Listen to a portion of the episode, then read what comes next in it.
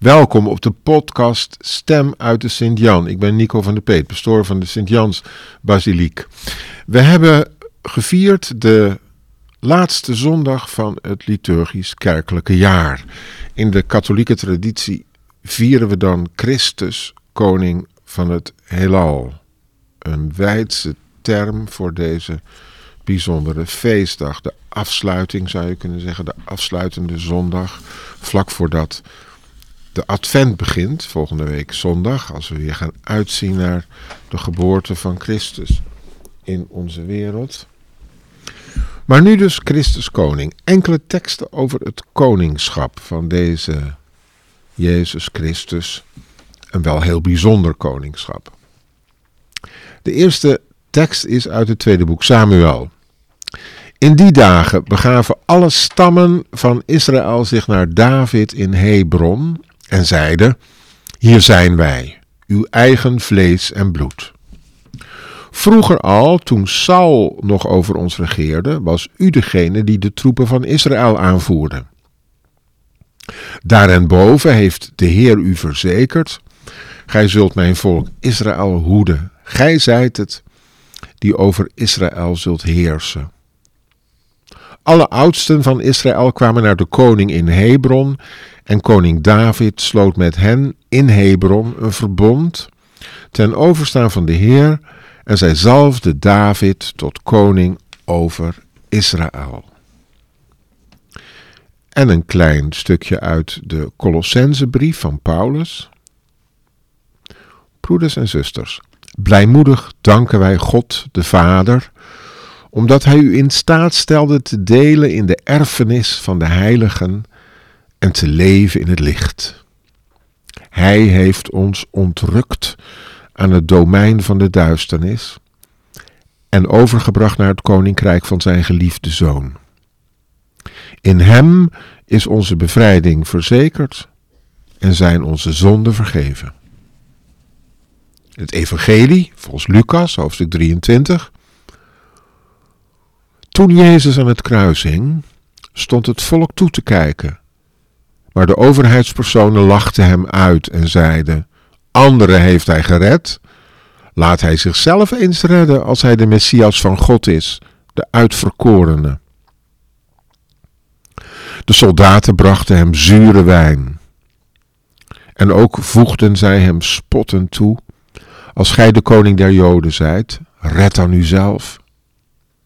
Boven hem stond als opschrift in Griekse, Romeinse en Hebreeuwse letters: Dit is de koning der Joden. Ook een van de misdadigers die daar hingen hoonde hem. Zijt gij niet de Messias? Red dan uzelf en ons. Maar de andere strafte hem af en zei: Heb zelfs jij geen vrees voor God, terwijl je toch hetzelfde vonnis ondergaat? En wij ondergaan dat vonnis terecht, want wij krijgen wat wij door onze daden verdiend hebben. Maar hij heeft niets verkeerds gedaan. Daarop zei hij: Jezus, denk aan mij, wanneer gij in uw koninkrijk gekomen zijt. En Jezus sprak tot hem: Voorwaar, ik zeg u, vandaag nog zult gij met mij zijn in het paradijs. Deze week zag ik op een of ander nieuwsmedium de foto van een 19-jarige jonge man. Een vlot geklede man die je opgewekt aankijkt met grote, diep donkere ogen.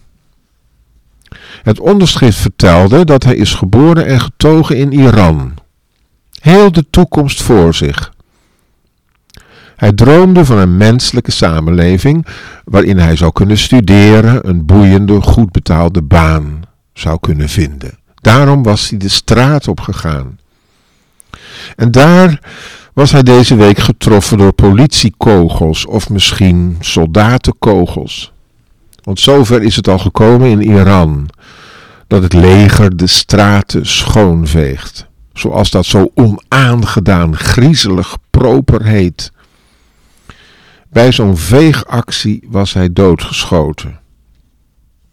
Een divers uit een instabiel land. Waar mensen de straat op gaan, ondanks de dreiging van het geweld van een overheid die, onzeker geworden door het visioen van vrijheid van haar volk, jonge mensen vooral, niets beters bedenkt dan bruut, cynisch geweld. Liever de dood dan de vrijheid. Op het feest van Christus Koning richten we onze blik ook op die andere jonge man. Die in het middelpunt staat van ons geloof en onze levensovertuiging. Die teksten zijn spannend gekozen. We vieren hem als koning van het heelal. Maar wat voor koningschap is dit helemaal? De koning van het heelal treffen we aan op het kruis. Zijn jonge leven is gesmoord in een gruwelijke executie. Zo afgrijzelijk als alleen de grootste wereldmacht van zijn dagen kon bedenken. Iedere mens met een visioen van een menselijke rechtvaardige wereld. Ieder die niet boog voor de hoogste aardse vorst, liep gevaar te worden doodgemarteld.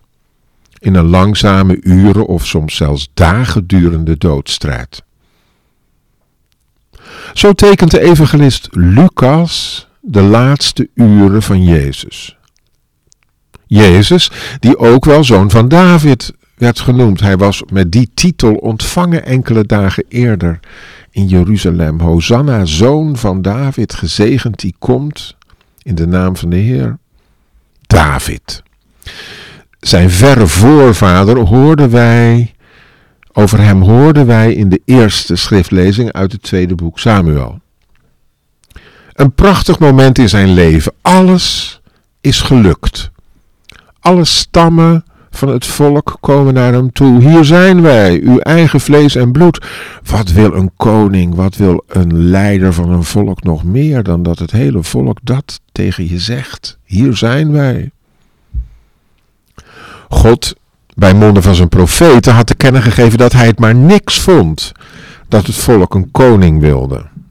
Luister liever naar de stem van de profeten, de mensen die scherp zien wat er nodig is om een menselijke rechtvaardige samenleving te vormen. Maar nee, het volk bleef erbij. Er moest een machtsfiguur komen naar wie ze konden opzien, die voor hen als een legerleider zou uittrekken als het spannend werd. Eerst was, voor David was eerst Saul tot koning gekozen. Ik heb een beetje sympathie voor Saul, hoe mislukt hij ook was. Waarom? Nou ja, net als ik was hij een hele lange vent. Hij stak boven iedereen uit. Zijn uiterlijk deed het goed op het toneel van de macht. Maar zoals zoveel van die op het oog stoere leiders, was Saul ten diepste heel onzeker.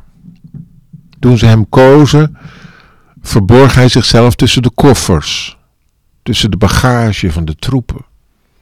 Hij wilde wel, maar hij durfde niet. Hij moet gedacht hebben: mijn stoere schouders zijn in wezen heel zwak, ik kan zoveel macht niet aan. Had Saul zijn intuïtie maar gevolgd, dat had hem en zijn volk veel leed gespaard, bespaard.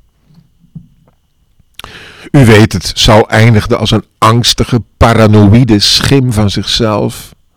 Hij zag overal complotten. Nou, dan weet je het wel. Dan gaat het niet goed met de samenleving als iedereen het heeft over complotten. Hij wantrouwde, hij wantrouwde die jonge man David, die al vlug veel populairder was dan hij. Saul stond David naar het leven, maar hij werd gespaard. Waardoor? Door de liefde. Door de liefde van Jonathan, de zoon van Saul, zijn meest trouwe vriend. Jonathan liet zijn liefde voor David voorgaan op de trouw aan zijn vader. Over die houding, die geestelijke houding, zou Jezus later zeggen: Geen groter liefde kan iemand bezitten dan hij die zijn leven geeft voor zijn vrienden. In zijn beste jaren liet David zien wat nou het ware koningschap is in Gods ogen. In zijn beste jaren zeg ik erbij, want later, later zal hij ook de weelde niet kunnen dragen en misdraagt hij zich. Maar goed, in zijn beste jaren liet hij zien wat koningschap is. Hij betoonde zich toen geen potentaat, maar een herder, die vooral hart heeft voor de zwakste dieren van de kudde. De samenleving moet niet bewegen op de adembenemende snelheid van de toppers, maar op het meer humane tempo van de achterblijvers. Dat is menselijke, bijbelse, joodse, christelijke beschaving.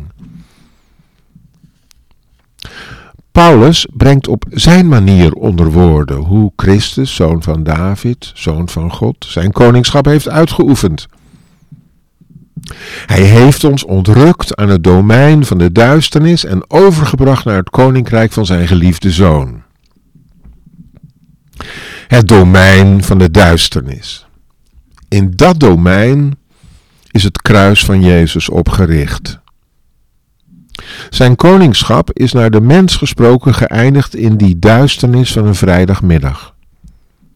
De meeste van zijn vrienden en vriendinnen stonden van een afstand toe te kijken. Waarschijnlijk hebben zij niets meegekregen van het korte maar wereldveranderende gesprekje dat Jezus voerde met die twee mannen die met hem gekruisigd waren. In dat domein van de duisternis brengt Jezus alvast één persoon over naar zijn koninkrijk. Die vrijdagmiddag bleek toch niet het einde van de geschiedenis. Jezus blijkt het beeld van de onzichtbare God. Zelfs in die zware marteling en doodstrijd sticht Jezus vrede. Paulus zegt, hij sticht vrede door het bloed aan het kruis vergoten. Het domein van de duisternis, u weet het, het bestaat nog op vele plaatsen op deze aarde. Bijvoorbeeld in Iran. Die wreed gedode jonge man met zijn stralende donkere ogen kijkt mij aan. Een en al verlangen naar recht en vrede voor hem en zijn generatiegenoten komt mij tegemoet uit zijn ogen. Zijn blik is voor mij, voor ons een opdracht. Een opdracht om te leven in het vertrouwen dat Christus vanaf het kruis regeert. Dat na de vrijdagmorgen en na de stilte van het graf de zondag is gekomen, waarop hij de dood overwint. Ik wens u allen een mooie dag en een goede week toe. Volgende zondag beginnen we aan een nieuw seizoen, een nieuw kerkelijk seizoen, de Advent. We gaan uitzien naar Kerstmis, naar het licht dat de duisternis van onze wereld zal overstralen. Ik wens u alle goeds toe en graag tot volgende week bij Stem uit de Sint-Jan.